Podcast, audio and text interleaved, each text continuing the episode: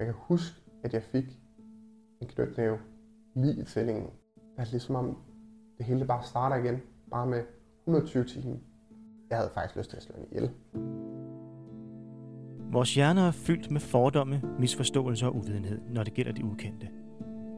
Vi vil ikke selv dømmes for, hvem vi er, og samtidig er frygten for at blive dømt og stemplet evigt nærværende. Hvad er det, der drager os mod det ukendte, det frastødende, det underlige, det morbide, det sjove, det perverse og til tider ulykkelige i livet? Hvorfor finder vi det interessant at se ned på det, der er anderledes fra os? Og hvordan kan det blive ved med at fylde hos os og omfavne vores nysgerrighed? Ordet tabu indgår i mange sprog og kulturer. Et ord, som besidder noget helligt eller kraftfuldt, som kan være farligt eller forbudt at berøre eller omtale. I denne podcast stiller vi skarpt på forskellige tabuer og de mennesker, som lever med dem. Vi er ikke uddannet i arbejdet med de forskellige tabuer, men vi har derimod en menneskelig og nysgerrig interesse for de mennesker, der lever med et tabu. Vi taler om det, vi ikke vil tale om. Velkommen til Tabu.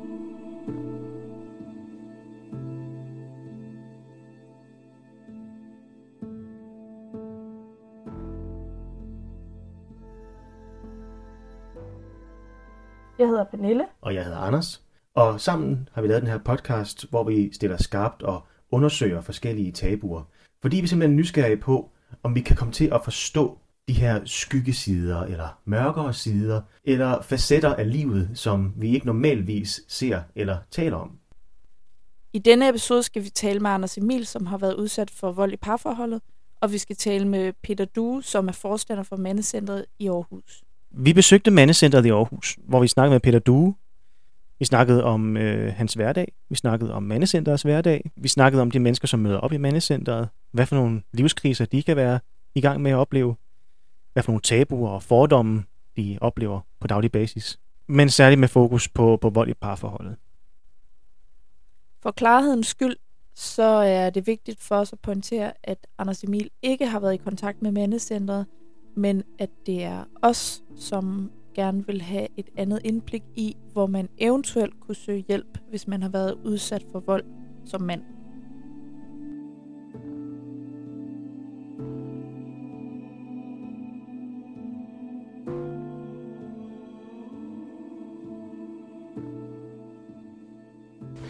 Må jeg høre bare helt lavpraktisk? Hvorfor arbejder du med det her emne? Hvorfor jeg arbejder her i Mandecenteret? Ja, ja. Er, det, har du, er du nogle idealer, eller har du selv været udsat for noget, eller mm. er, det, er det ren altså, interesse? Øh, Jeg har altid arbejdet med mennesker. Øh, Jeg kommer fra, jeg har været forstander her i Mandecenteret Østjylland i et år, øh, og har ellers været i skoleverdenen i næsten 30 år. Så har jeg en terapeutuddannelse, som jeg også bringer med mig ind, så jeg har øh, i en årrække også arbejdet med, med mennesker i krise. Øh, det er også bare mennesker, der selv opsøgte mig. Så det er, det er en min baggrund for at stå her i dag. For det første er der et kæmpe tabu omkring det at være mand og være i krise. Så det gør også, at man ikke opsøger hjælp. Det er heller ikke lige, øh, når man har tredje halvleg øh, inde i omklædningsrummet, der sidder og drikker øl med gutterne, at man lige øh, slår albuen i den anden og siger, at jeg har sgu også lige problemer derhjemme. Konen hun slår mig, eller konen hun hakker på mig. Altså, vi, vi, vi har ikke noget sprog for det, vi har ikke nogen kultur for det. Så derfor der kommer manden til at gå lang tid. Og jo længere tid der går, øh, så kan det være, at han får øh, problemer med arbejdet og mister sit arbejde og øh, begynder at, øh, at søge øh, trøst i alkohol eller stoffer eller øh, overtræning eller overspisning eller hvad det nu er. Øh, og, øh, og lige pludselig så, så er han så langt i sin sociale rute, at han, øh, ja, at han er hjemløs og lever på gaden. At det, det lyder også som om, fra deres side, en form for forsvarsmekanisme. Altså, måske de ældre mænd, det her med, jamen, altså, øh, måske har de ikke helt lyst til at faktisk anerkende, eller erkende, at de faktisk er blevet udsat for vold, fordi det, det måske kan være tabubelagt for dem, eller fordomsfuldt, eller skamfuldt. Mm. Eller hvad tænker du? Jeg tænker, det er tabubelagt, og det er skamfuldt. Mm. Og det er det jo også i hele samfundet. Mm. Øh, netop fordi, at som jeg sagde før, vi, vi, vi mænd, vi prækker jo ikke til hinanden og siger, hvordan har du det? Jamen, jeg har det godt. Nej, men hvordan har du det? Altså, har du det godt i dit ægteskab? Det spørger vi ikke hinanden om, og vi går heller ikke at sige, hen til en anden mand og siger, øh, vil du lige lægge øre til, fordi jeg, jeg har det sgu lidt svært for tiden. Den her, øh, den her rigtige mand, øh, som jo skal kunne klare det hele og stå op for sig selv. Og, og der tror jeg også, vi ram- rammer ind i noget i dag, fordi at øh, mandeidealet er jo øh, mangfoldigt i dag. Tidligere så, så var man skafferen, og øh, man var ligesom den stærke, og man skulle gå ud og tjene til føden, og det, det, var, øh, det var lidt mere simpelt. Mm. Øh, I dag der skal man være en stærke, man skal stadigvæk være med til at forsørge, man skal også være den bløde, øh, den følelsesmæssige, den forstående. Så vi kan sige, at grænserne for mandeidealet er meget mere udflydende i dag, end det var for bare øh, få årtier siden. Vil du sige, at det er en, øh, en, en god idé for en, en mand, der er i krise, at, at komme og søge hjælp hos jer? Absolut. Øh, man kan sige, det der er rigtig svært for mændene, det er at række ud efter hjælpen. I sidste uge havde jeg to visitationer, hvor, hvor begge gange, der, der udblev manden faktisk, selvom han er ringet hen og lavet aftalen. Og det siger noget om, hvor svært det er for manden. Mange gange går det i, i mange måneder, måske mange år, inden at de tager sig sammen til at gøre noget. Og så søger de måske på nettet, finder ud af, at der er noget, der hedder mandecenteret. Og dertil til at tage sig sammen til at tage røret og lave en aftale, øh, det er én ting. Og det næste, det er så at komme fysisk ind, og der oplever vi desværre, at der er nogen, der mister modet. Så det er ikke nødvendigvis, uh, undskyld, det er ikke nødvendigvis uh, ambulant eller, eller et nuværende passerende. Uh, det kan også godt være et problem, der er opstået for flere år siden, måske man kom ind og, og få hjælp til. Ja, vi, øh, vi oplever mænd, som sidder til visitation og fortæller om deres liv, øh, og fortæller om det, at øh, de har været i et ekstremt usundt miljø, øh, ofte med psykisk vold selvfølgelig, nogle gange også fysisk vold. Når nu manden han er, han er blevet indskrevet, og vi begynder at arbejde med ham, så har vi også en, en, en narrativ tilgang, øh, både for til at gå ind i det traume, at han har været i, men også generelt gå ind og finde en, en anden øh, historie, mm. finde et andet narrativ på, øh, øh, altså han kommer ind og føler sig som en dørmåtte, men når vi så vender og siger, jamen du har jo faktisk gjort noget for at tage ansvar for dig selv.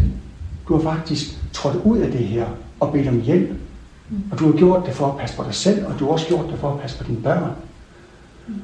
Og så begynder vi stille og roligt at give ham et, et, et nyt narrativ omkring sig selv, så han ikke kun er dørmåtten, men jeg har jo også gjort nogle ting, og det har jeg gjort fordi, og så han stille og roligt kan øh, genfinde sine værdier i sig, mm. og, øh, og, og, og, og komme ud og, altså målet er jo, at vi skal, jo have, vi skal have manden ud af brug for sig selv, og så han kan leve et godt liv igen. Nu nævnte du også et begreb, som jeg har hørt før. Vi har psykisk vold, og vi har almindelig fysisk vold. Du siger økonomisk vold. Ja. Kan du beskrive det? Hvad er det for noget? Jamen, det er, øh, når mænd de kommer og fortæller, at de ikke har adgang til de penge, de selv tjener. Mm. Øhm, eller at, øh, øh, at de bliver lænset øh, for, for deres økonomi på en eller anden måde. Så øh, vold kan have mange forskellige former. Der er seks eller syv forskellige voldsformer, som vi, som vi opererer med. Ja. Det, det er egentlig ret interessant, fordi umiddelbart, når jeg tænker på vold, så tænker jeg, at der er fysisk, og der er psykisk vold. Mm. Øh, jeg tænker ikke, at der, der er mere end det. Det er, jo, det er i hvert fald noget, der er nyt for mig. Mm. Men det giver jo rigtig god mening. Mm. Altså, når du forklarer om økonomisk vold. Ja. øh, Så er der materiel vold, Ja. hvor, øh, hvor, hvor, hvor øh, der er nogen, der simpelthen oplever, at øh, deres ting bliver ødelagt og smadret. Hvis ikke du gør sådan, så ødelægger din telefon, eller smadrer dit fjernsyn, eller dit stævanlæg, eller sådan ting. Sådan synes vi er konsekvenser, simpelthen. Ja, Hvis man kigger på det, ja lige præcis. Ja, ja. Præcis. Min lejlighed er helt brændt ned, og ja, præcis. Ja. Ja. Det der, ja.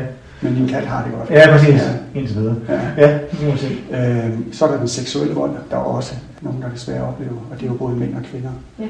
Men hvad er din oplevelse? Er, det, er, er, det mere, er der mere skam forbundet for mænd med seksuel vold øh, frem for økonomisk vold, for eksempel? Jeg tror, hvis man begynder at grædebåde dem, øh, ja, øh, så vil der nok være øh, en øh, større skam og tabubelagt.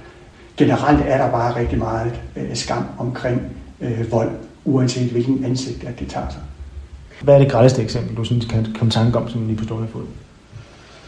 Jamen det kommer jo ind på, hvordan man definerer det grædeste. Altså, vi oplever nogen, der bliver, der bliver slået, der har fået hår revne af. Øh, er det mere grædt end nogen, der bliver nedgjort øh, systematisk igennem flere år?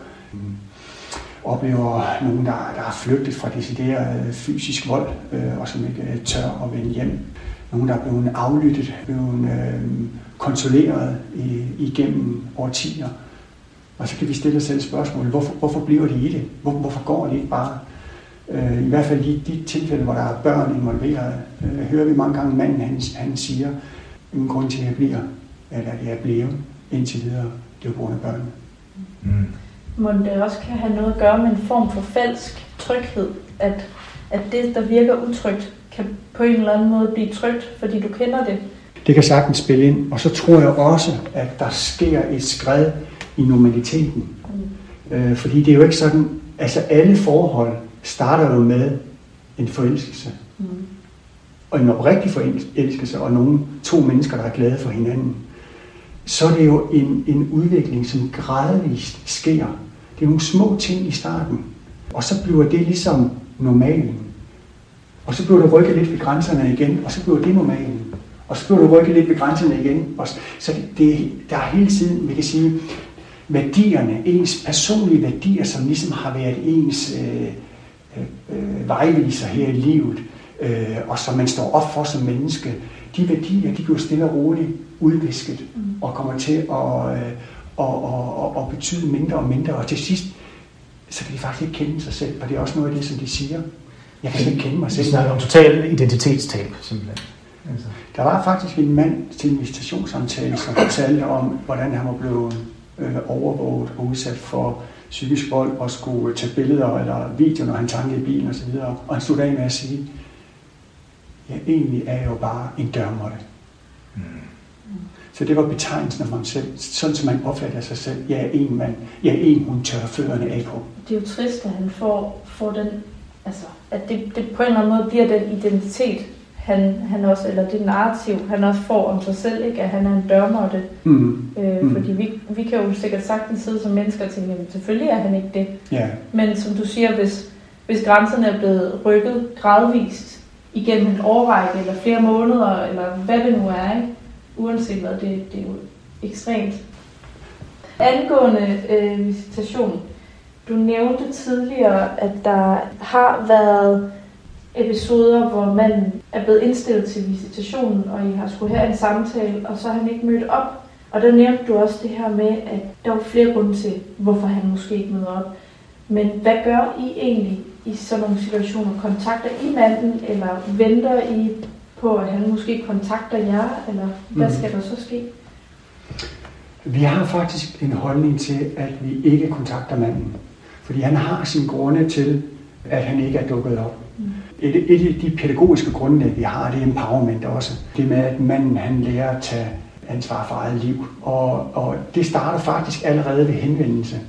Øhm, så vi venter på, at manden han kontakter os igen, og gør han det, jamen så laver vi en ny aftale, og så tager vi den derfra. Oplever I så, at manden, som måske i første omgang ikke mødte ind, at han så møder ind på et andet tidspunkt? Ja, det kan der godt gå, og der, der kan gå øh, en måned, der kan gå, øh, og ja, der kan gå længere tid. Der kan gå helt op til øh, ja, et år, så hører vi lige pludselig fra ham igen. Men der synes jeg jo på en eller anden måde, at det er sejt, at manden faktisk har skulle igennem alle de her psykologiske spring med sig selv, og, og se sig selv i øjnene og være modig ind i at, at få sagt fra over for sig selv, ikke? til at han, han på en eller anden måde ikke kommer afsted, fordi der er et eller andet, der står i vejen, hvad end det nu er, til at han alligevel siger, nu gør jeg det og kommer afsted. Det, det synes jeg er mega sejt. Altså, mm. Det tænker jeg vel også, I oplever, at, at de er de er jo seje, de her mænd. At de... Ja, det er de. Og, og ligesom, på, øh, ligesom på kvindesiden, når kvinde, mm. kvinder de kommer på krisecenter, der oplever man også, at de bliver indskrevet, og så er de der få dage eller en uge, og så tager de hjem til manden, der slår igen. Og på samme måde oplever vi det også med vores mænd, at de vender tilbage til, øh, til deres samlever, til kvinden. Øh, og så kan vi jo stå udefra og, og, og, og, og tænke, hvorfor gør de dog det? Og jeg tror på, at det er jo fordi, at de engang mødte den her person, og de har været forelsket. Og der er jo også gode øjeblikke. Der er jo øh, stadigvæk, øh, selvom volden kommer ind imellem, øh, så er der jo gode øjeblikke. Og det er jo det her håb, vi har som mennesker, øh, at om, det bliver bedre nu. Nu stopper det. Og det håb har vi jo alle sammen som mennesker. I forhold til øh, den her periode, hvor, hvor manden øh, er her, hvor lang tid er sådan en periode?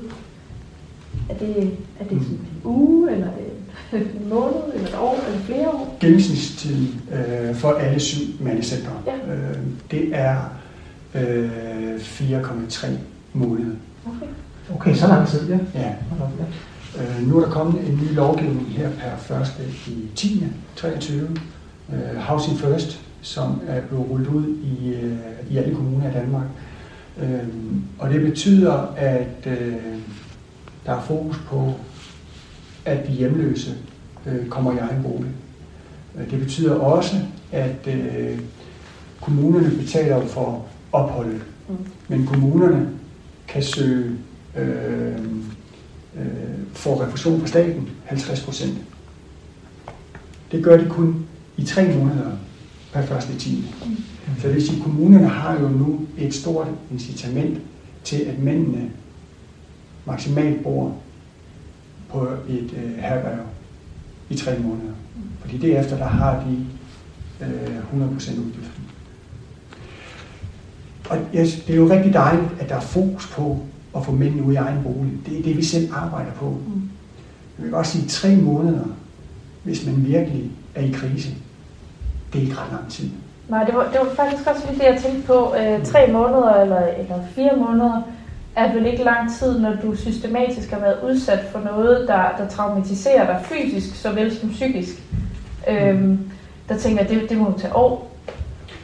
Øh, vi oplever desværre også, at der er nogle mænd, som øh, bliver udskrevet, men så bliver genindskrevet øh, efter et stykke tid.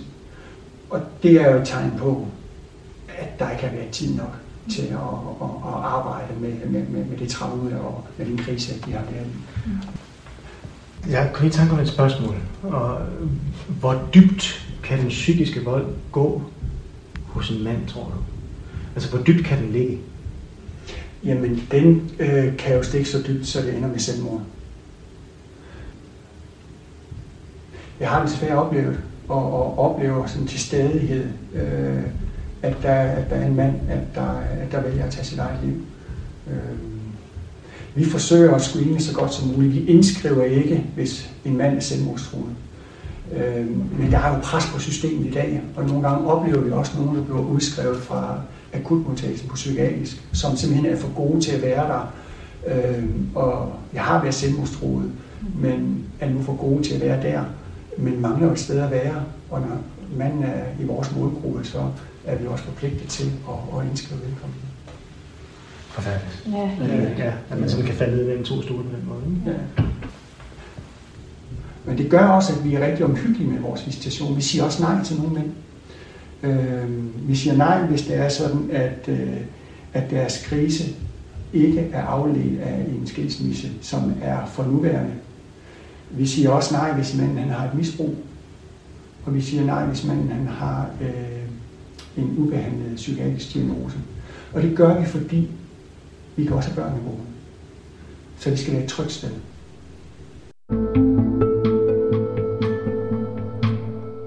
Vi kommer til at høre mere til Peter Due senere i episoden, og nu skal vi høre lidt om Anders Emil, som er vores caseperson i denne episode. Anders han kommer til at fortælle lidt om, hvor han kommer fra, hvilke oplevelser han har haft med vold, og hvordan han håndterer det i dag. Vi har ikke haft mulighed for at interviewe Anders Emils ekskæreste til denne episode. Den udlægning, I får, kommer kun fra Anders Emils side.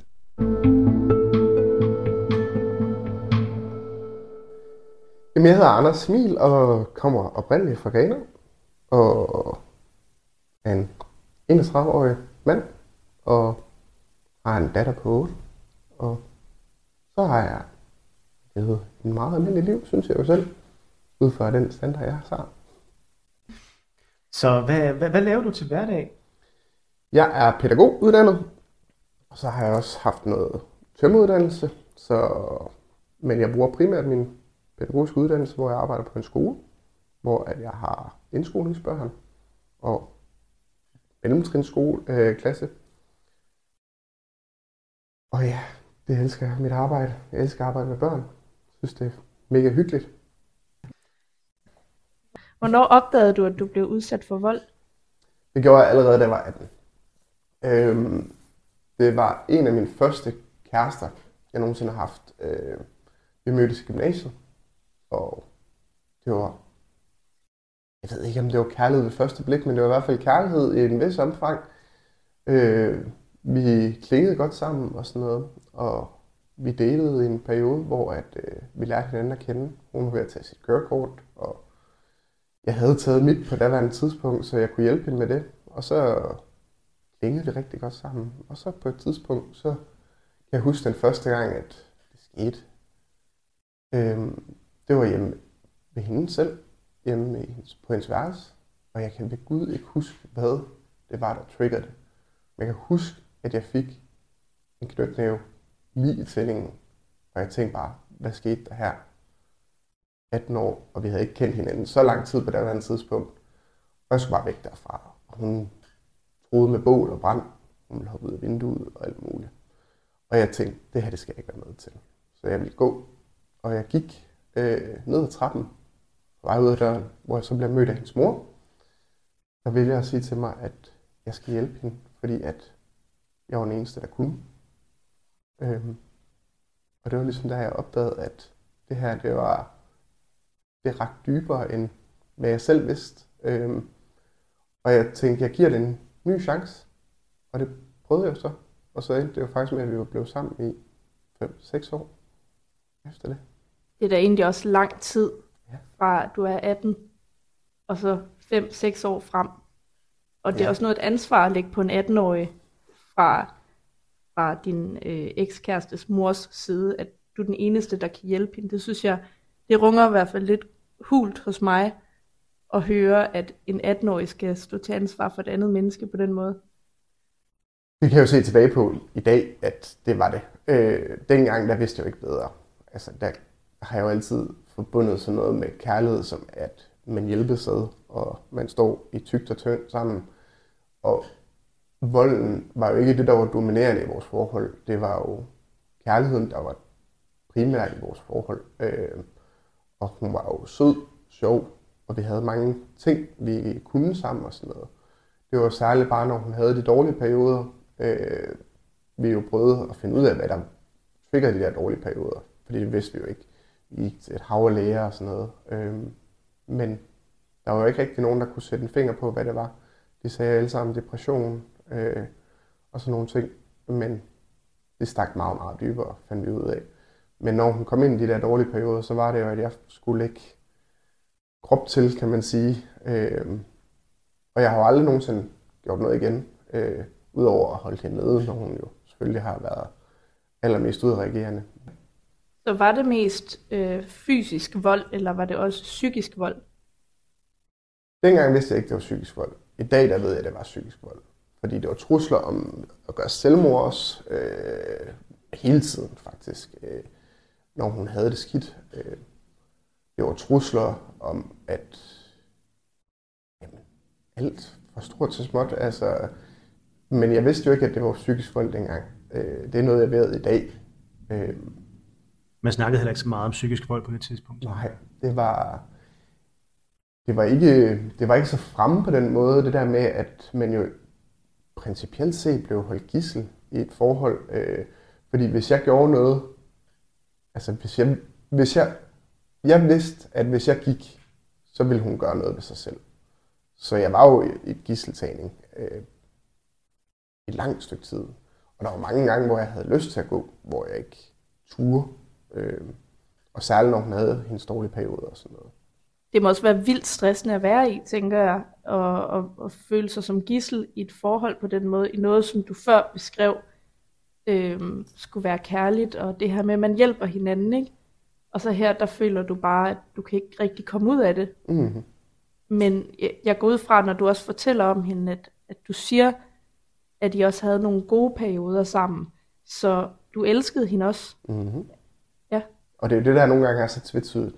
Fordi når jeg fortæller om det her, altså, de dårlige perioder, de fylder måske 10% max af de 6 år, 5 år, vi var sammen.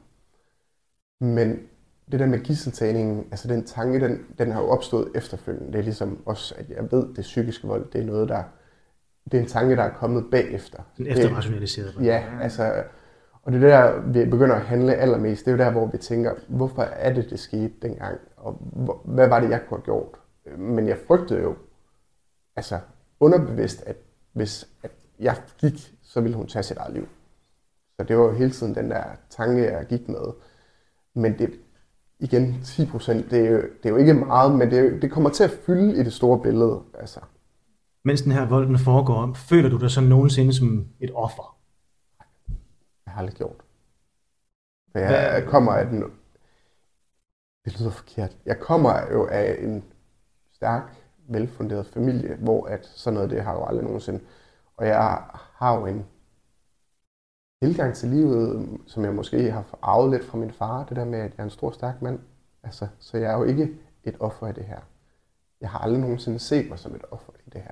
Altså, jeg har set en pige, der måske har været et offer for øh, en psykisk sygdom, der, øh, som hun ikke kunne håndtere, og som jeg prøvede jo at hjælpe hende med, men jeg var langt ude, hvor jeg ikke kunne bunde. Altså, øh, det ved jeg i hvert fald i dag. Det var der ikke nogen mennesker, der kunne håndtere. Nu nævner du, at, øh, at du kommer fra en, en øh, støttende familie, en Mhm. stærk familie. Hvordan mærkede du din families støtte i alt det her? Øh, og var der på noget tidspunkt, hvor din familie sagde, jamen Anders Emil, det her, det skal du ikke finde dig i. Det her Ja. er ikke okay. Det sagde min mor faktisk hele tiden. Øh, og hun ville også gerne have, at jeg skulle ud af det. Øh, men ung, dum kærlighed, den gør blind. Øhm, så jeg blev jo i det. Og mine forældre, de har egentlig aldrig sådan støttet mig i det. Og de, der, det er der faktisk ikke ret mange i min familie, der har. Mine bedsteforældre, de lagde heller ikke skjul på, at de ikke brød sig ret meget om hende. Altså, Øh, jeg kan jeg nok heller ikke bebrejde dem i dag, men dengang tog jeg afstand fra min familie. I takt med, at de ikke støttede op om det mere. Hvordan kunne sådan en, en, en typisk dag se ud med, med din daværende kæreste, sådan hvis hun havde en dårlig dag, for eksempel? Den kunne starte ud med, at der var sådan en lille sort sky inde i lokalet, som bare voksede sig større og større. Øhm, og det var, det var kaostanker fra hende af. Hun ikke var god nok. Verden var ikke god nok. Hun havde stor tendens til at bebrejde samfundet for det, der var sket hende. Øh, bebrejder hendes forældre og jamen, alt, alle andre end hende selv faktisk bebrejder hun. Øh, hvor at jeg prøvede at sige til hende, at vi er jo ligesom kaptajn på vores eget skib, vi bliver nødt til at, ligesom at tage ansvar for de ting, der nu er givet til os. Og jeg var en ret sådan let loose øh, fyr dengang, og glad og positiv altid, så det kom mig meget naturligt at sige det der med, at jamen, vi skal bare, vi tager det bare en dag ad gangen, og, men altså, det eskalerede bare, og så endte det jo typisk med, at hun jo så prøvede i vis omfang at tage sit eget liv, eller truede med det, og så blev vi uvenner, og så lige pludselig så kom volden jo bare. Altså, og det kom jo nogle gange som et lyn fra en klar himmel, hvor jeg bare fik en lige højere eller et eller andet. Altså, jeg har aldrig fået mærker af det, men altså, det er bare både en lige skrin, så det er jo runget nærmest. Så er det jo ydmygende, kan jeg forestille mig. Det tror jeg aldrig, jeg har tænkt, faktisk. Nej. Øhm, der var heller ikke rigtig nogen, der vidste det. Altså, så det var jo egentlig... Jeg tror egentlig mest, jeg havde dårlig samvittighed over for hende, at jeg ikke kunne hjælpe hende. Altså, jeg har aldrig forbundet det med ydmygende eller noget som helst. Jeg har mest forbundet det med sådan afmagt. Altså, det der med ikke at kunne hjælpe og ville gerne. Dum. Men det er tydeligt, at du har nogle værdier Det er jo det, og den, de kommer jo hjemmefra. Altså, jeg har jo et ret stort værdisæt, der siger, at man skal behandle sine medmennesker ordentligt, og man skal prøve at hjælpe dem, der har det nogle gange også værre end en selv. Men det er jo først nu, at jeg kan indse, at jeg skulle have hjulpet mig selv, før jeg kunne have hjulpet hende. Jeg tror, hvis jeg havde været i en anden familie, hvor de måske ikke havde et lige så stort værdisæt, som min egen familie har, så kunne det godt være, at jeg havde taklet det anderledes. Hvor at, altså, jeg tror, nogle andre mænd, de ville jo måske bare have slået igen. Det har jeg jo kun én gang gjort, og det var den dag, vi slog op faktisk. Øh, og der slog jeg faktisk heller ikke engang, men var tæt på. Så du havde lyst til at slå hende i øjeblikket? Jeg havde faktisk lyst til at slå hende ihjel i Kan øjeblikket. du fortælle om den episode? Den er ikke, den er ikke hemmelig eller noget som helst. Øh, vi havde lige fået vores datter. Hun var ikke så gammel på det her tidspunkt. Hun var 8 måneder. Øh, min ekskæreste, hun havde fået konstateret en fødselsdepression oven i alt det, hun ellers gik med. Og i al hendes barselstid der havde hun det rigtig, rigtig skidt. Hun følte ikke nogen kærlighed for vores datter eller noget som helst. Og det gik hverken værre eller bedre, end at jeg gik på barsel til sidst. Og hun kunne ikke finde noget arbejde, så vi gik rigtig meget derhjemme, op og ned af hinanden. Og hun havde det rigtig svært med at finde ud af, hvad er det, hun ville, og hvad, hvordan og hvorledes. Og den der manglende kærlighed over for vores barn, den gjorde også, at hendes psyke, den bare sejlede helt vildt. Og så kom vi hen til april måned, hvor at, øh, vi var hjemme med min mor. Hun, min mor og min far, de var lige blevet skilt i, den min, hvad hedder det, kæreste, hun ventede vores barn. Øhm, så vi var ude i et sommerhus til noget påskefrokost, og hendes psyke, den var bare helt ved siden af sig selv. Altså, hun kunne ikke være nogen steder, hun kunne ikke rumme noget som helst. Og jeg kan huske, at vi skændtes rigtig meget. Og på vejen hjem, der blev vi ved med at skændes. Og hun prøvede at hoppe ud af bilen. Vi boede i Aarhus på det her tidspunkt af flere omgange. Og jeg lå og kørte 10 km i timen fra Grenaa af, og så til Aarhus, mens jeg prøvede at holde hende nede, og øh, samtidig med at jeg skulle køre en bil hjem. Øh, og da vi så kommer hjem, der kommer der ligesom ro på, vi får snakket det ned, og sådan noget. Og så dagen efter, da jeg vågner, der er hun op. Der er det ligesom om, det hele bare starter igen, bare med 120 timer. Og jeg kan huske, at jeg blev tvunget op i en krog, hvor at hun siger, at det er hende eller min mor. Så jeg skulle simpelthen vælge, hvem jeg ville kunne ses med. Det var første gang, jeg nogensinde, tror jeg, har set rødt, fordi jeg var trukket totalt op i en grå, Sådan bogstaveligt og fysisk. Øh. Øhm, så jeg tænkte, åh gud, det her det kan jeg slet ikke. Øh, og jeg blev sur og sådan noget, og sagde, det kan jeg simpelthen ikke vælge. Det skal ikke.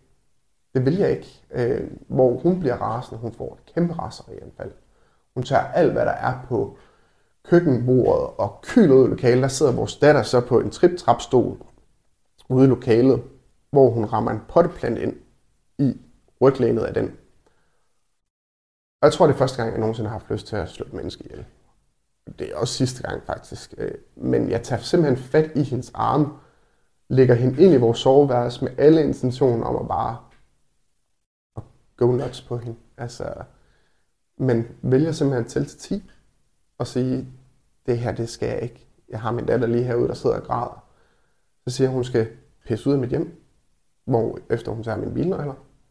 Og det var faktisk sidste gang, jeg så hende den dag. Så blev jeg ringet op to timer senere af politiet, at øh, hun var kørt ind i et autoværn øh, ved afkørslen ved Lisbjerg, Lystrup. Og hun blev kørt på syg.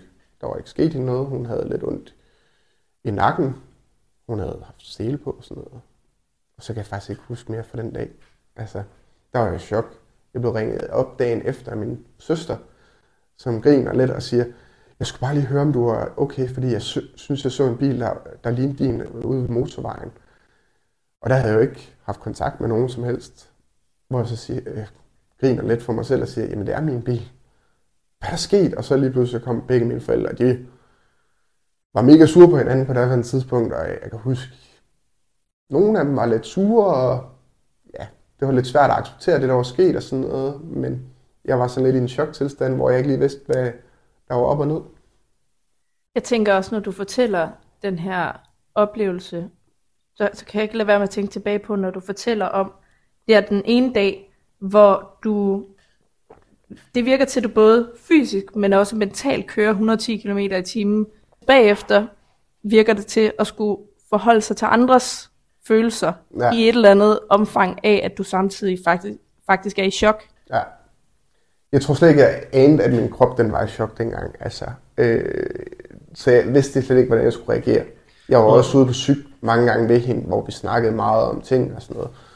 Hvor hun jo også frasiger sig alt ansvar over for vores datter og siger, jamen, hun vil ikke være mor for hende mere. Og, men, altså, og der er vi jo i teorien jo stadigvæk i et forhold, altså, hvor at vi jo stadigvæk prøver at løsne lidt af det her, men vi kommer derud med venner og familie og sådan noget, og altså min familie lige væk ind og se hende. Øh, så jeg tager jo ind og ser dem, øh, hende. Og jeg er stadigvæk sådan på overarbejde, psykisk, altså hele tiden, hvor jeg sådan hele tiden bliver nødt til at have antennerne ude, finde ud af, hvor er jeg henne i det her, hvad skal jeg gøre, og jeg har mit barn, jeg skal forholde mig til, jeg har hende her, jeg skal forholde mig til, og jeg har min familie, jeg skal forholde mig til, og mine venner, og ja, hele mit liv, det ramlede lidt den dag, kan man sige. Hvordan håndterer du det så? Fordi du, dit, dit liv det ramler. Din kæreste er på, på, på syg, hun har prøvet at køre i et autoværn. Mhm. Din, din datter er meget modtagelig og meget ked af det, og, og dit liv det bliver simpelthen revet op i sømmene. Mm. Det liv, du har kendt i fem år. Mm. Hvor- Hvornår lander du og kan mærke, for helvede mand, hvad fanden skete der lige der? Det tror jeg ikke, jeg er endnu. Nej, altså, og det her det er jo otte år senere. Altså, jeg tror aldrig, jeg lander. Jeg tror aldrig, det går op for mig, hvad, hvad det er, der sådan både gik galt, men også hvorfor og hvordan og hvorledes. Min kærlighed for min ekskæreste, den døde den dag. Altså, den fuldstændig væk. Alt, hvad jeg nogensinde nærede for hende af følelser, det var væk. Øh, jeg har en mor til mit barn, som jeg forholder mig til, og som jeg ved er der, og som jeg støtter stadigvæk i et vis omfang. Jeg vil stadigvæk hende alt det godt, men jeg har ikke noget til overs for hende på den måde. Øh, og jeg tror aldrig, at jeg kommer til den erkendelse af, hvorfor det her det skete, og hvorfor at øh, vi nåede så langt, kan man sige. Altså, og hvorfor det gik så vidt. anmelder du på noget tidspunkt nogle af de her voldsepisoder Aldrig. Aldrig. Nej. Hvordan er, øh, er din kontakt så med din ekskæreste i dag? Du nævner, at, at hun, er, hun er mor til, til jeres barn, Mhm. og du ønsker hende alt det bedste, men har hun kontakt til, til jeres barn, og, øh, og hvordan får I det til at hænge sammen? Åh, det er jo, det er jo verdens vildeste konstellation, vi har kørende. Altså, da jeg, vi går fra hinanden for otte år siden, der, hvad hedder det, frasiger hun jo så alt ansvar for sit barn, og giver også mig fuld forældremyndighed øh, med alle intentioner om, at jeg vil se sit barn mere. Og det er jo så der igen mit værdisæt, mit ordentlige menneske, det kommer ind og siger, selvfølgelig skal mit barn have en mor, hun har en biologisk mor, der er velfungerende. Så vi har jo, efter hun havde været i terapi og sådan noget, der begynder vi jo så småt, altså hun flytter også tilbage til Grenaa, hvor jeg også selv er flyttet til.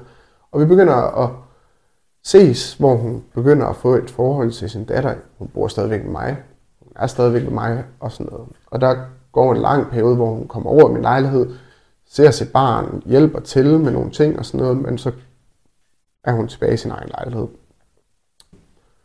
Og det foregår jo over en rum periode, indtil at øh, hun så på et tidspunkt begynder at få hende over en enkelt dag over i sin lejlighed, uden at jeg er der og sådan noget. Og det er svært altså, for mig også at give slip, altså at sige, kan hun det her? Og der er også mange gange, hvor jeg bliver nødt til at tage mit barn med hjem, altså, fordi det har jeg ikke brug for, at det lige er i dag, eller nu kan jeg se, at det er ved at gå galt for dig, eller et eller andet. Og jeg kan også huske en, en episode, hvor vi var oppe og skændes, fordi at hun ikke lige er opmærksom på, at min datter står på kanten af en trappe, hvor hun jo nærmest triller ned ad trappen og slår sig ret slemt, hvor jeg simpelthen løber ned og samler mit barn op og sender hende hjem, hvor hun jo er ked af det, og igen truer med bål og brand, altså hvor jeg havde sådan et, men prøv at, lige nu der er det mit barn, der er fokus, altså det her, det, det kan jeg ikke, altså, øhm, og sådan har det egentlig været efterfølgende, det har været mit barn, der har været fokus.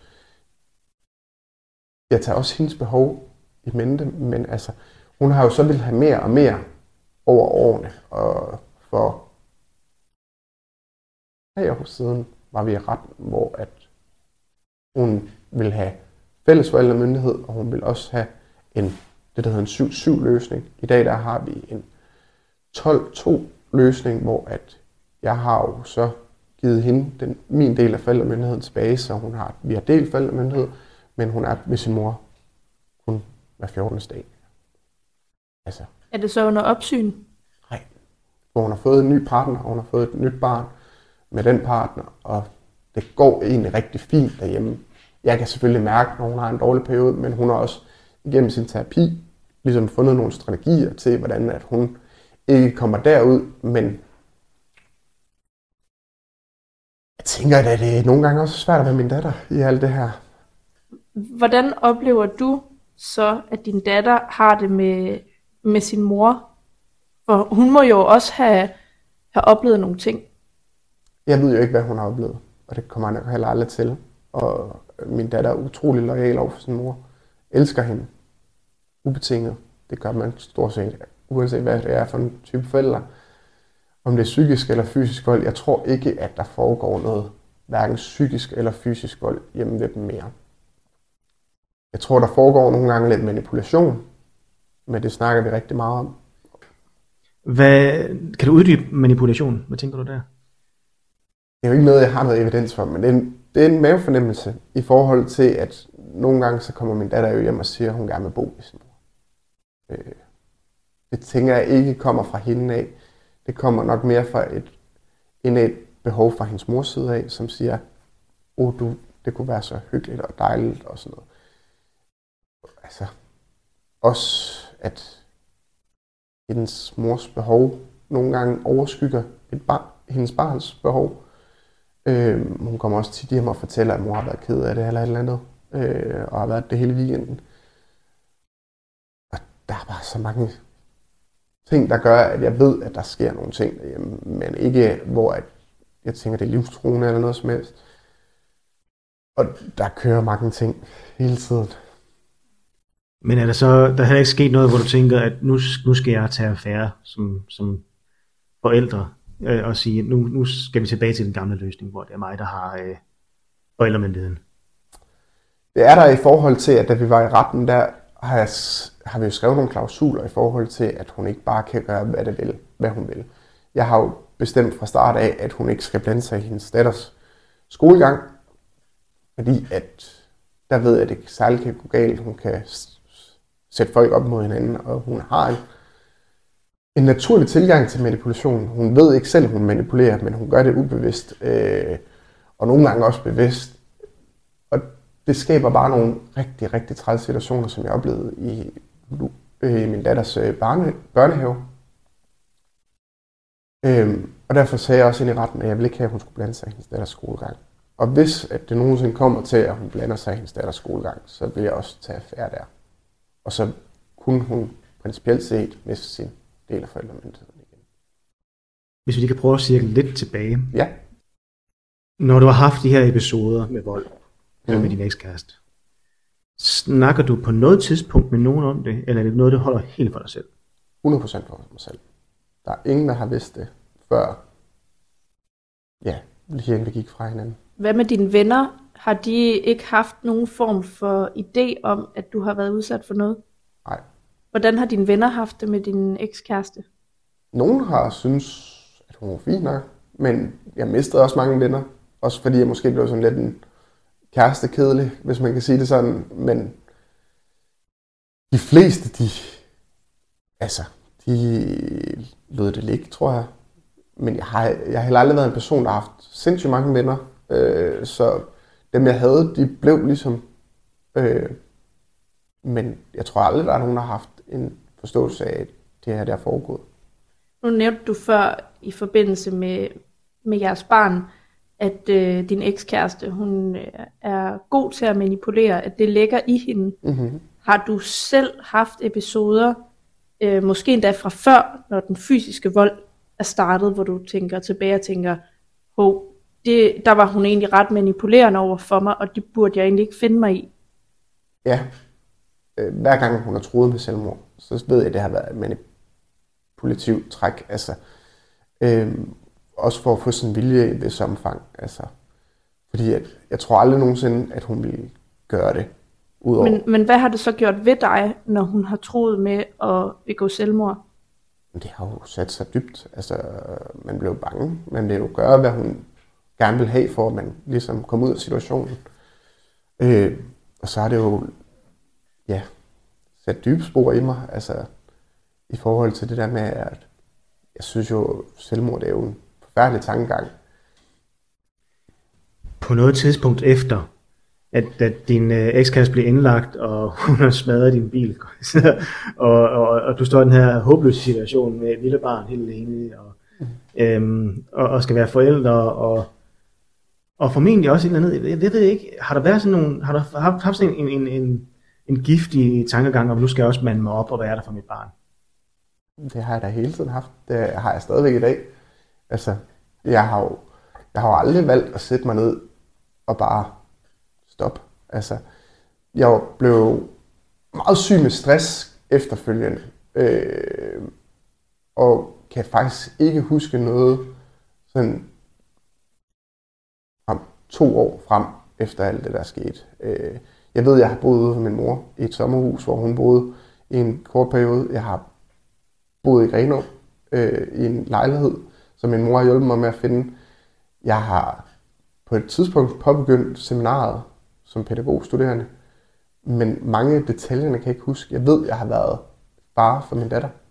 Jeg har mandet mig op, som man nu siger, over for min datter øh, og været der for hende, men personlig hygiejne i den første lange periode, den var langt fra. Øh, ernæring, kosternæring, det var en by i Rusland for mig. Altså det, Motion. Motion, jamen alt hvad der hed Anders, det var, det kom jo i sidste række. Altså, så jeg kan næsten ikke huske noget som helst derfra. Fordi at jeg var simpelthen fuldstændig flad op i hovedet. Jeg kan jo ikke lade være med at sidde og tænke, at det her, det er jo i min optik trist at høre, at du øh, på en eller anden måde har altså til dels også givet afkald på dig selv i en længere periode, ikke? fordi du har været udsat for så meget, altså i forhold til både psykisk og fysisk vold, men at du så også har skulle agere som far, agere som, som søn, Mm-hmm. agere som ven, agere som Anders Emil, som, ja, som ekskæreste, og prøve at være så omsorgsfuld i alt det her. Mhm. Jeg kan jo ikke lade være med at tænke på, når du nævner den her periode med stress, at det lyder jo også som omsorgstræthed Mhm. i min optik, at, at du simpelthen ikke har kunne overskue dig selv Mm-hmm. i de to år. Ja, Så hvornår var det så, det vendte? Hvornår kunne du mærke forskel? mm, det ved jeg faktisk ikke. Det kom meget stille og roligt hen over min uddannelse som pædagog. Det der med, at den der med, at man op i sig selv, hank op i sig selv, det gjorde jeg jo hver dag. Stod op, måtte madpakke til min datter, kørte hende i børnehave, tog på skole, og så på et eller andet tidspunkt, så begynder jeg bare at finde mig selv i det igen. Altså, og det kommer så nok også af, at jeg havde nogle mennesker rundt om mig, øh, der hjalp mig. Jeg havde min mor, hun kom tit og hjalp mig. Og så også, så jeg kunne få et liv igen på, til en vis grad, altså, fordi jeg var stadigvæk ret ung dengang. Jeg var 23, da jeg fik mit barn, og 25, da jeg startede pædagogseminaret. Det, det har bare gået langsomt. Men jeg fik ikke rigtig noget hjælp. Jeg blev tilbudt noget coaching på et tidspunkt. Øh, jeg tror ikke, jeg var ret modtagelig over for det. Og jeg tror heller ikke, at hvis jeg havde fået noget... Jeg blev tilbudt noget krisehjælp, tror jeg nok, på et tidspunkt. Og det gjorde min datter også. Og jeg frasagde mig det, fordi jeg ikke var nok i mit rette sind på det her tidspunkt.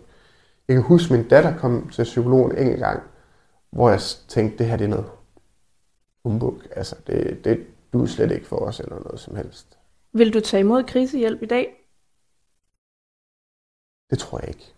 Øh, jeg har været rigtig meget psykolog igennem årene. Lært mig selv bedre at kende. Kender mig selv. Stort set ind til benene i dag. ved, hvor mine egen- egne grænser går. Jeg har også været noget med stress i mange år, jo, så øh, man begynder ligesom at finde de der faresignaler og sådan noget. Øh. Men jeg ved også, den, der hjælper mig bedst, det er nok også mig selv. Mm. Jeg er lidt nysgerrig på, øhm, der er et par gange, hvor du har nævnt ordet mande sig op. Nu sidder jeg jo så som, jeg sidder som kvinde her og tænker, det er sådan et ord hos mig, som, som jeg synes er i min optik trist, at Mm. man som mand tror, at man skal mande sig op. Øh, Det synes jeg også. det, det ved jeg også, at, at det har vi to også talt om, ikke? Ja. Øh, i forbindelse med nogle ting, du har oplevet. Okay. øhm, hvor, hvor Anders herover han har sagt, jamen jeg har skulle mande mig op, og jeg sådan, jamen, men, men mande sig op for hvad? Mhm. Altså, for spørgsmålet er, hvad, hvad betyder det egentlig at mande sig op? Hvad Mm. betyder det egentlig for dig? Jeg tror ikke, der er en definition på det. Jeg tror, det er en, en indledt tankegang fra,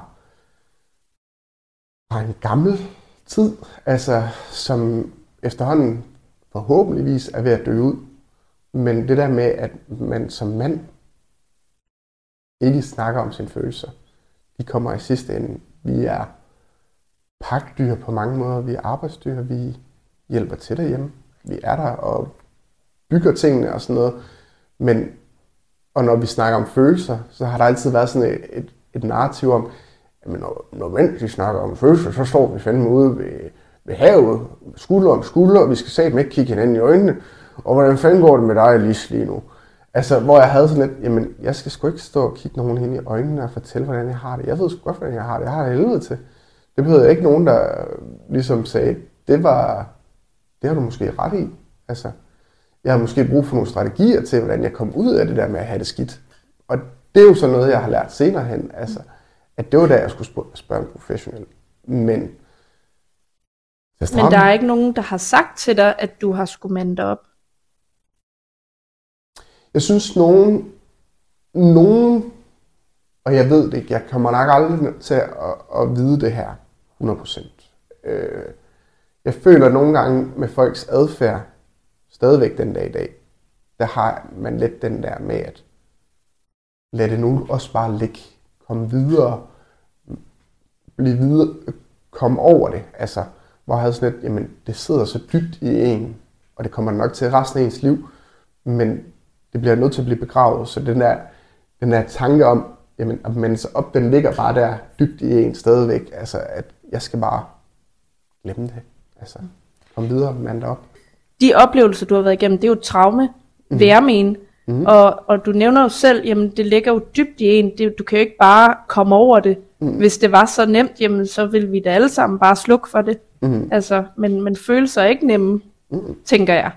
Øh, og, og de oplevelser, du for, har fortalt om indtil videre, der tænker jeg, jeg kan godt forstå, hvis det tager tid. Og jeg kan også godt forstå, hvis du ikke kommer over det. Mm. Øhm, men spørgsmålet er, om det så er en eller anden form for accept, man skal nå til hos sig selv, at, at det, er, det er faktisk okay ikke at, ikke at være okay. Den har jeg fået i dag, og den har jeg fået af mig selv.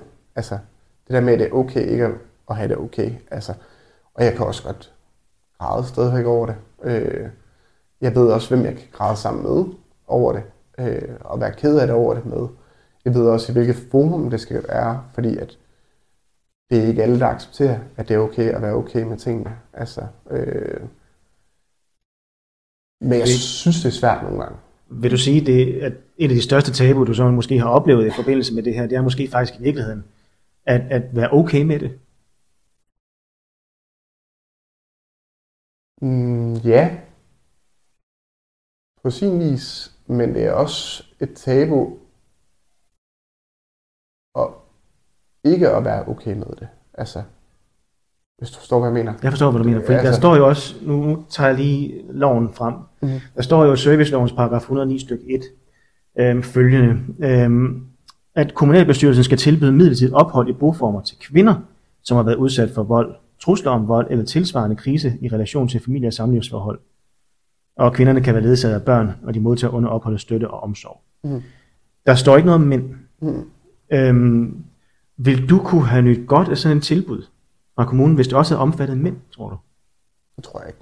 Nej. Det ved, jeg ved det ikke. Øh, men jeg tror aldrig nogensinde, jeg har tænkt i den tankegang, at jeg havde behov for det. Og det har heller ikke været en ting, jo. Nej, nej, men jeg tror heller ikke, at jeg havde... Jeg tror aldrig nogensinde, jeg har tænkt tanken, at jeg havde brug for hjælp. Altså, øh, fordi at, jamen, Du gør det selv. jeg gør det selv. For pokker, jeg var jo den hvide ridder. Øh, det er også det, jeg nogle gange har fået at vide af min psykolog, det var, at jeg havde det der, der hed hvid riddersyndrom. Og det er der mange mænd, der har. Altså det der med, at man kommer ridende ind på sin hvide hest og skal hjælpe den unge dame i nød. Altså, og det, det er der mange mænd eller fyre eller whatever, der har. Det der med, at man skal fandme hjælpe dig. Altså, om du så vil det eller ej, så skal jeg fandme hjælpe dig. Altså, øhm, jeg tror, det er en, det er en giftig tankegang at, at have. Tror du, andre kunne nyde godt af... Nu, nu snakker de jo om at lave serviceloven om, Mm-hmm. altså paragraf 109 stykke 1 der, og lave den om, så den også indbefatter, at mænd kan komme på krisecenter. Tror du, der er flere mænd, der måske vil have godt af, af den hjælp? Ikke før vi ændrer på vores kultur omkring, hvordan mænd som helhed er. Altså, og også det der med, at det er okay at være mand og have følelser. Altså, det tror jeg, vi skal ændre på først. Øhm, for jeg tror, der er rigtig mange mænd, der sidder med den samme tankegang, som jeg har. At det ikke er okay at være okay, eller og ikke at være okay. Og omvendt, altså, ja. Og omvendt, altså det, vi skal virkelig ændre hele den der strukturelle øh, tænkning, vi har omkring, hvad det er at sige at være en mand. Altså, at vi godt må kigge hinanden i øjnene, vi må godt fortælle, hvordan vi føler det. Det er okay at græde, men det handler også som samfund om at acceptere det der med, at det er okay at have følelser som mand. For jeg har også oplevet mange kvinder, der har, har sagt til mig, du er bare et tudfjæs, altså stop nu. Hvor jeg har tænkt, prøv her, jeg har altså et eller andet inde i mig, der gør, at det her det kommer. Og jeg kan ikke styre det i perioder, men altså, det er jo nu engang sådan, det er. Altså, jeg kan jo ikke la- igen lade være med at sidde som kvinde og tænke, hvem kan finde på at sige sådan noget til et andet menneske, så er det faktisk lige meget, om du er mand eller kvinde, mm. men at sige, de der følelser, du har, de er forkerte. Det, igen, det, det ringer sgu også hult hos mig, mm. at man kan finde på det. Øh, Jeg skal fordi, lige sige, Pernille, du bliver sjældent vred, men jeg kan mærke, du bliver, sådan lidt, du bliver faktisk lidt ham over det der. ja, det gør jeg, for jeg, jeg synes faktisk ikke, det er okay, mm. at, man kan, øh, at man kan finde på at sidde og sige til et andet menneske, at det er ikke okay, at du har det, som du har det. Øhm, vil man sige det til et barn? Altså, vil man sidde og sige, du må, ikke, du må ikke græde, du må ikke være ked af det, du må ikke være glad. Mm. Det, det kan man jo ikke bestemme. Altså, følelser er jo ikke, altså, de er jo ikke bare øh, regulerbare fra det ene til det andet. Det tager tid. mm, Og jeg tænker især i forhold til de oplevelser, du har været igennem, og det, du har fortalt os indtil videre, det, det former jo dig. Det er hvordan du er. mm, Og jeg kan jo igen ikke lade være med at sidde som kvinde og tænke, hvilken anden kvinde synes ikke, at det er, det er øh, nice at opleve en, en, en mand, der faktisk sidder og er så åben. mm. Altså, jeg har i hvert fald stor respekt for det, fordi Det var sgu da heldigt. Ja, det ved jeg. Men fordi jeg bare har, og det er min egen fordom det her, mm. men at, at der er den her tanke omkring hos mænd, at de skal mande sig op. Det er Mhm. derfor, jeg også nævnte det før. Hvad, hvad betyder det egentlig at mande sig op? Mm. Fordi for mig mener jeg jo ikke, at der burde være noget, der skulle hedde, det, du skal bare mande dig op.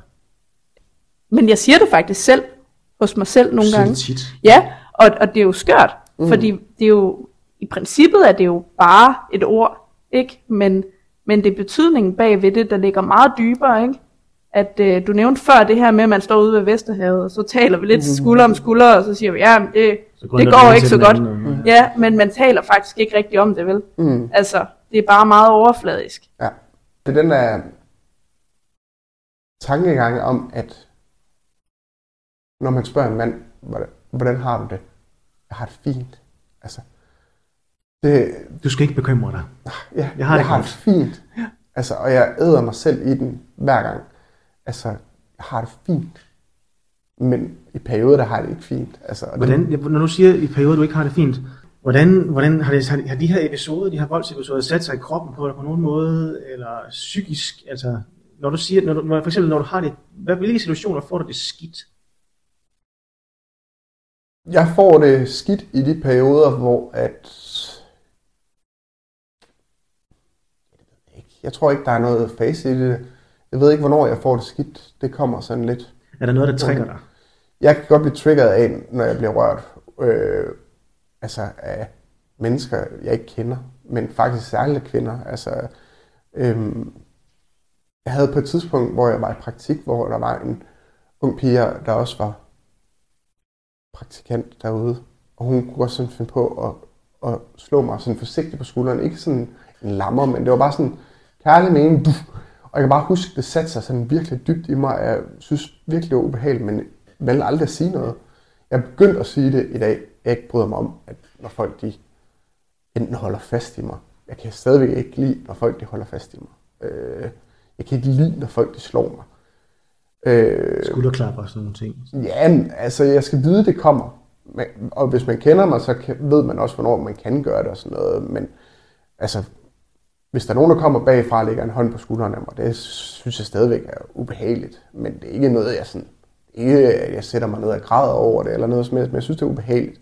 Og jeg kan godt mærke det i min krop. Øh, men jeg er også et menneske, der godt kan lide at blive rørt og røre andre. Altså, så det, er, det er jo sådan lidt en modstridighed. Altså, jeg kan, det er sådan en paradoks. Altså, det, jeg kan godt lide begge dele, men jeg synes også, det skal være på min egen præmisser. Det tror jeg, de fleste har det sådan lidt. Altså, det skal være på ens egen præmisser.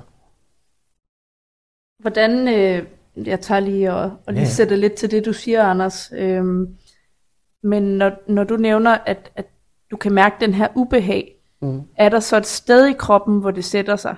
Nej, det er hele kroppen. Det er hele kroppen? Det sidder. Okay. Altså, det, kan du sådan beskrive det? Den bliver sådan hård, ligesom om at man spænder i kroppen. Ligesom hvis man skal til at tage imod slag. Altså, og det, den der følelse af, at en, alle ens muskler de bare strammer op, den kan være der i lang tid efter. Altså. Hvad er det længste, du har oplevet? Det ved jeg ikke. Jeg tror altid, jeg er sådan lidt spændt op på en eller anden måde. Så jeg tror aldrig, den giver slip. Øh, men jeg tror, at... Jamen, det ved jeg faktisk ikke. Altså, det, det går som regel en halv times tid, så er jeg sådan nede i det normale spænd, altså hvor at jeg sådan kan være i det igen, eller hvor at jeg ikke er på high alert. Altså det er sådan min fight and flight respons, der går ind dybest set. Men 30 minutter er jo også lang tid at gå og være spændt op. Hvad med, hvad med dine tanker? Kommer de på pause på en eller anden måde, eller hvad sker der? Mm, jeg tror bare, jeg bliver særlig opmærksom på mine omgivelser. Øh, og jeg bruger rigtig meget krudt på at sådan analysere situationer rundt om mig og sådan noget, men jeg bliver også meget sådan hurtigt udmattet øh, i det, så derfor kommer jeg også hurtigt ned i det neutrale igen, fordi jeg, jeg bliver simpelthen så udmattet af det. Men altså, jeg har det fint øh, kort tid efter, som regel. Nu nævnte du øh, tidligere, at du øh, arbejder på en skole, og jeg tænker, børn, de, øh, de er jo meget umiddelbare, mm. og øh, følelserne og fysikken, den, den er også meget umiddelbar. Mm. Børn, de kan jo godt finde på at slå, mm. når de er vrede, eller når de er kede af det. Hvad oplever du der? Det trigger mig overhovedet ikke, faktisk. Og det er sjovt. Det har jeg aldrig gjort. Og jeg har også været med til at sætte rigtig mange sådan slåsseleje op og sådan noget i skoler og sådan noget. Det, og børn, de kan også slå mig provokeret, altså uden at det sætter sig i mig. Men det er ligesom om, at der er noget ved et voksens menneskes hånd, at det er det, der gør det. Jeg tror aldrig, jeg har... Jeg tror, det er sådan lidt det der med, hvor, hvor man føler sig truet. Altså, jeg tror aldrig, jeg har følt mig truet af et barn. Eller for den sags skyld, jeg har også arbejdet med mange handicappede. Jeg har heller aldrig følt mig truet af dem. Øh, jeg har aldrig følt mig far rundt om dem eller noget som helst. Men det er neotypiske mennesker, typisk. Altså. Hvad vil, er du blevet mødt, nu, nu hedder programmet jo Tabu, mm-hmm. og de ting, vi ikke snakker om. Er du, er du blevet mødt af, af fordomme, af, af folk, der ikke forstår, at det også kan have en indvirkning på dig, for eksempel, at du er udsat for partnervold? Jeg tror aldrig, jeg har mødt blevet... Jo, af, af min nærmeste, der har jeg blevet mødt en forståelse for det. Men jeg tror aldrig, at det er noget, vi sådan har snak, sat os ned og snakket om på den måde. Altså, så derved har jeg jo også selv gjort det til et tabu, det der med aldrig at få snakket om det ordentligt. Altså, det har været noget, at Anders han har dealet med selv. Altså, det, det har været mig mod mig selv, øh, dybest set, og, og det der tabu, jeg selv har lagt om det, fordi jeg ikke har følt, at det har været et problem. Altså, det er jo igen noget, jeg først har kunne se efterfølgende, alt det her vold og sådan noget. Var der nogen, noget, lå der noget skam i det måske? Mm, nej. En flovhed, altså? Jeg tror, at øh, der har måske været sådan lidt, dem der kender det psykiske sprog, de kalder survivor skills. Altså det har der lagt lidt i det. Det der med, at man ville jo gerne kunne have gjort det lidt mere, og det havde jeg en lang periode, men den har jeg lagt fra mig. Altså, jeg har aldrig, jeg synes ikke, jeg skylder nogen noget. Jeg har heller ikke skyld over det. Jeg er heller sådan et menneske, der føler ret stor skyld. Øh, det er nok også derfor, at man får den der rolle som den hvide ridder. Altså, det er fordi, man har et stort øh, skyld, hvad hedder sådan noget, skyldfølelses... I hvert fald et meget højt moralsk kodex. Ja, altså, øh, men gør jeg ikke mere. Altså. Og jeg ved ikke, om det er en følelse, der er blevet et af det, jeg har oplevet. Så den simpelthen stort set er ikke stand. Jeg, føler, jeg kan stadigvæk føle skyld, men ikke på samme måde som dengang. Så når du, når du møder din ekskæreste, ser du så din voldsperson, eller ser du din datters mor? Jeg ser min datters mor. Så, så du er kommet videre. Hvad har det kostet at komme videre? Blod, sved og tår. Jeg, jeg ved heller aldrig, om jeg er kommet videre. Men det er jeg jo... Så du er ikke det samme sted i hvert fald? Nej, jeg er kommet videre i takt med, at jeg ikke har lyst til at være der, hvor jeg var for seks år siden. Jeg er kommet videre i den forstand af, at jeg ved også, at jeg ikke kan ændre det, der er sket. Det er jeg blevet nødt til at acceptere. Jeg har stadigvæk lyst til at sidde og dvæle i det mange dage, altså hvor jeg bare har lyst til at grave mig ned i et hul og sige, det her det er også bare, det bliver ved med at være synd. Det, fordi det ligger så latent i en hele tiden, det der med, åh, oh, hvorfor kan man ikke, og jeg har bare lyst til at snakke om det hele tiden, men jeg bliver også nødt til at sige mig selv, til mig selv ret ofte det der med, jeg kan ikke ændre på, hvad der skete dengang. Jeg kan kun ændre på, hvilken vej jeg går nu.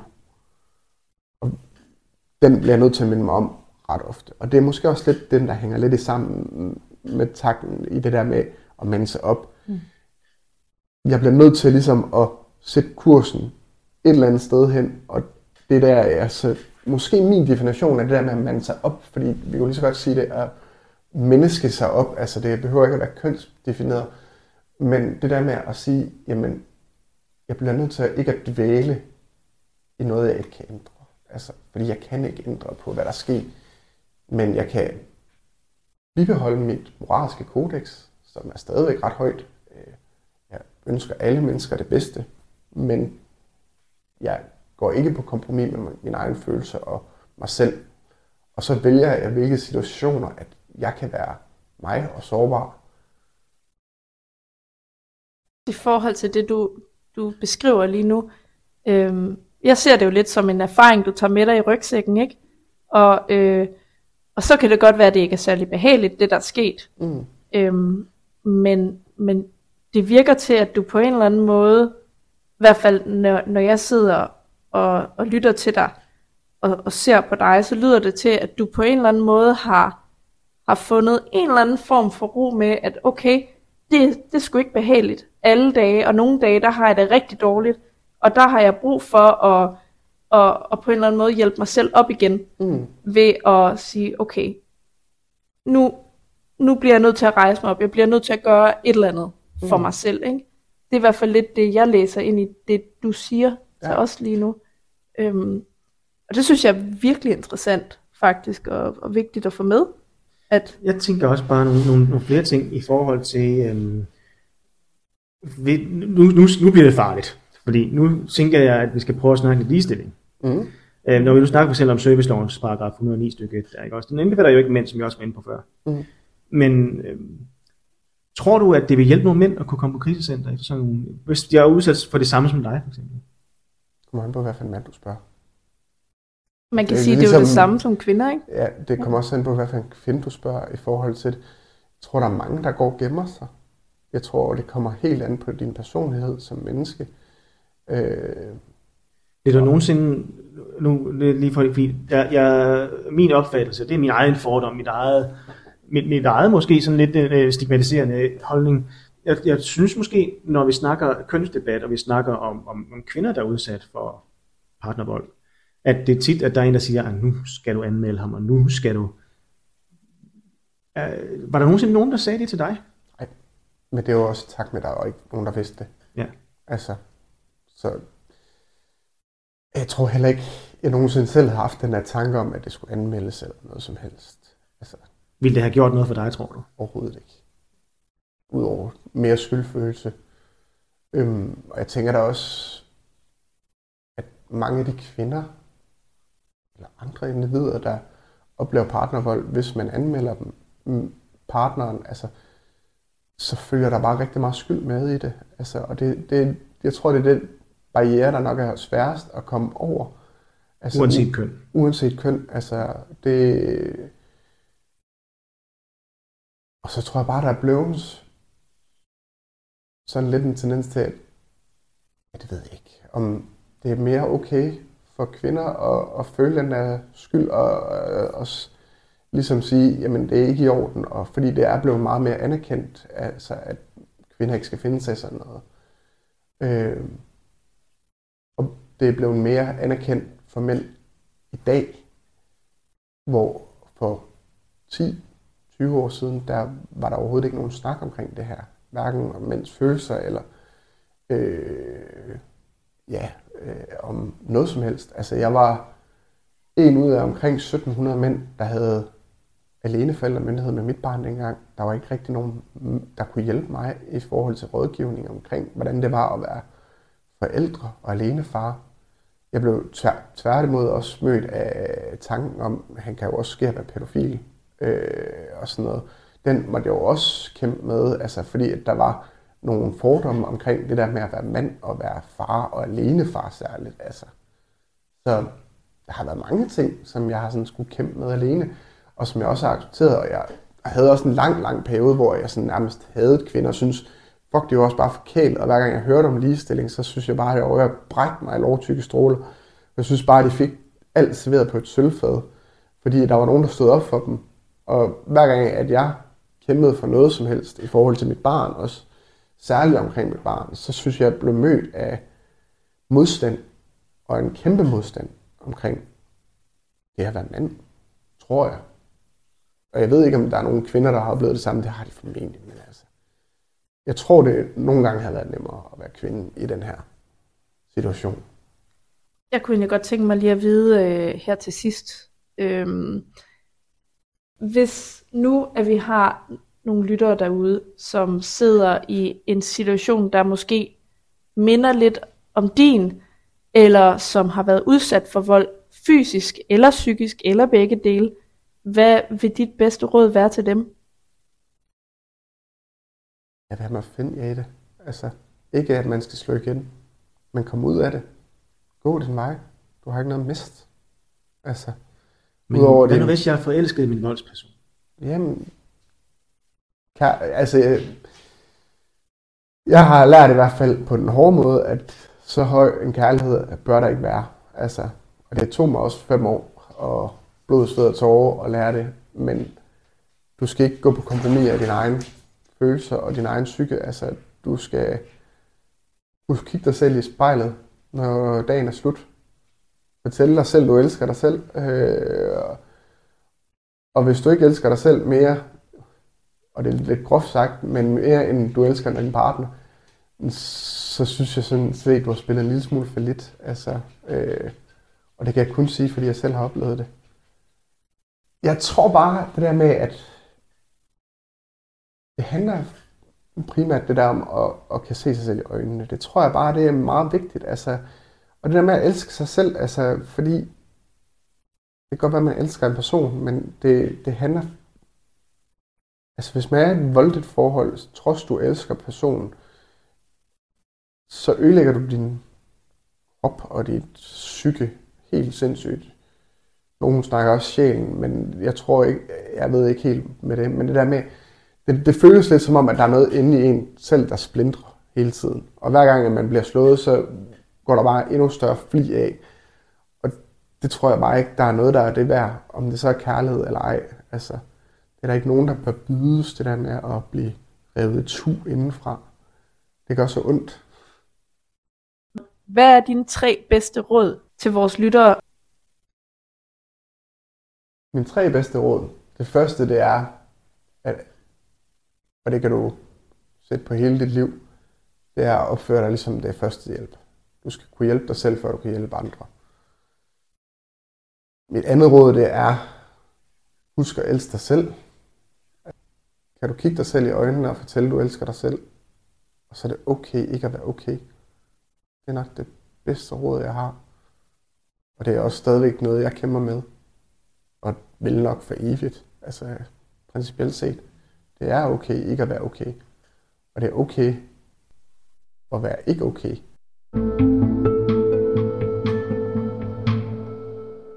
Øh, lad os nu lege til, at du sidder til en, en familiefest, for eksempel, ikke?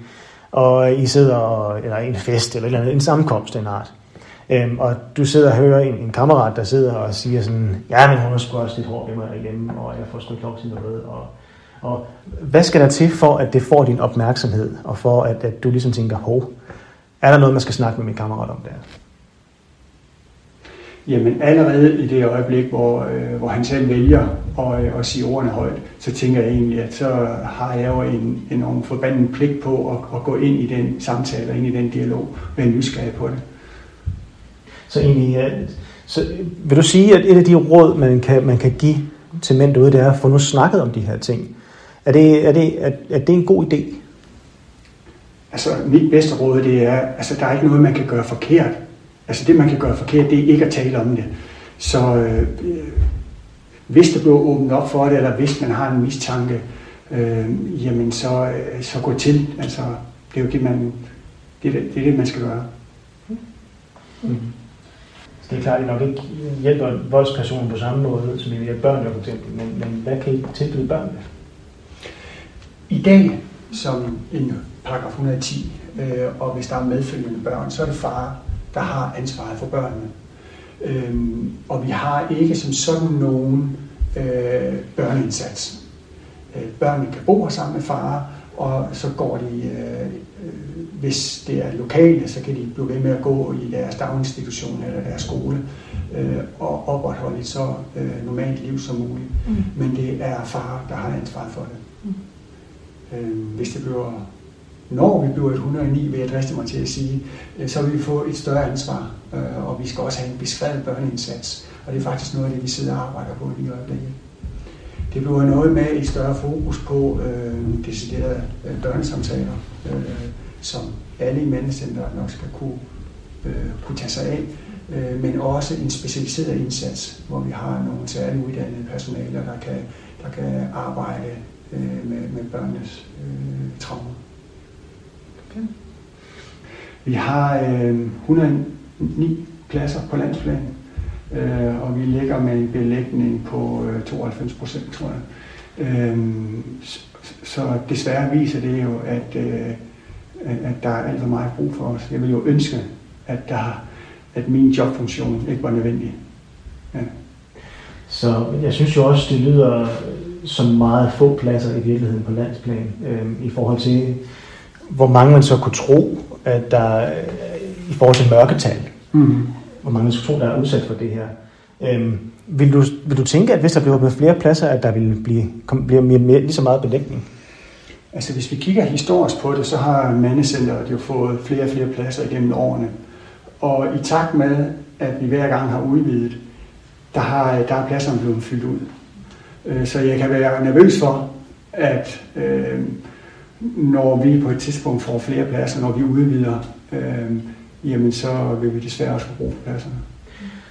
Men, men oplever du, at der i stigende grad er den samme nødvendighed for mænd?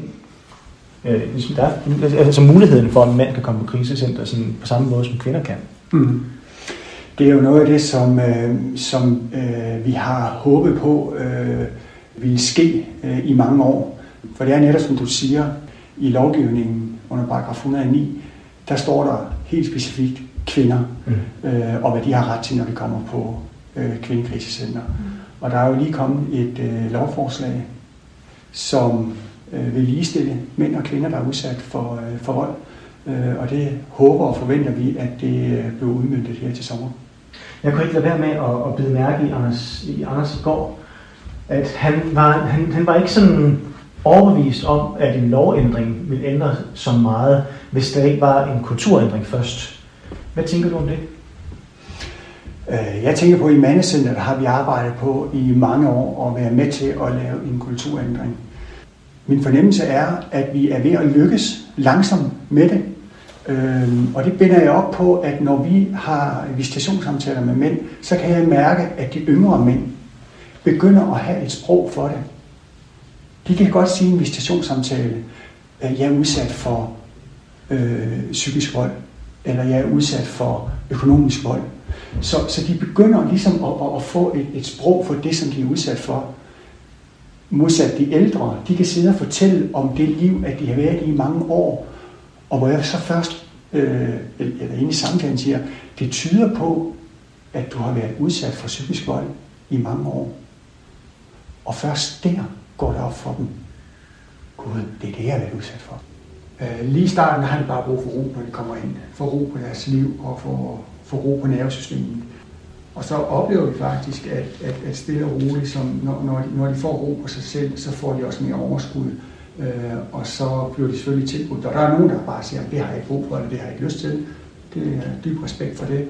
Øh, men vi oplever også, at der er nogle mændene, som heldigvis øh, takker ja til det. Så har vi også et tilbud. Øh, det er sådan, kvinder, der kommer på krisecenter, de bliver automatisk tilbudt øh, 10 timers psykologhjælp. Både kvinder og deres børn. De sidste øh, to år har der været et forsøgsordning, at mænd også kan få psykologhjælp ved elev uden vold. Så de mænd, der har været udsat for vold, øh, kan komme igennem visitationssamtale og så få øh, 10 timers psykologsamtale også. Øh, den ordning glider så ud nu her til sommer, øh, men forhåbentlig til sommer er det også der, hvor vi så kan lave krisecenter øh, og blive oprettet som sådan 109 tilbud, og så kan vi automatisk tilbud, tilbyde det.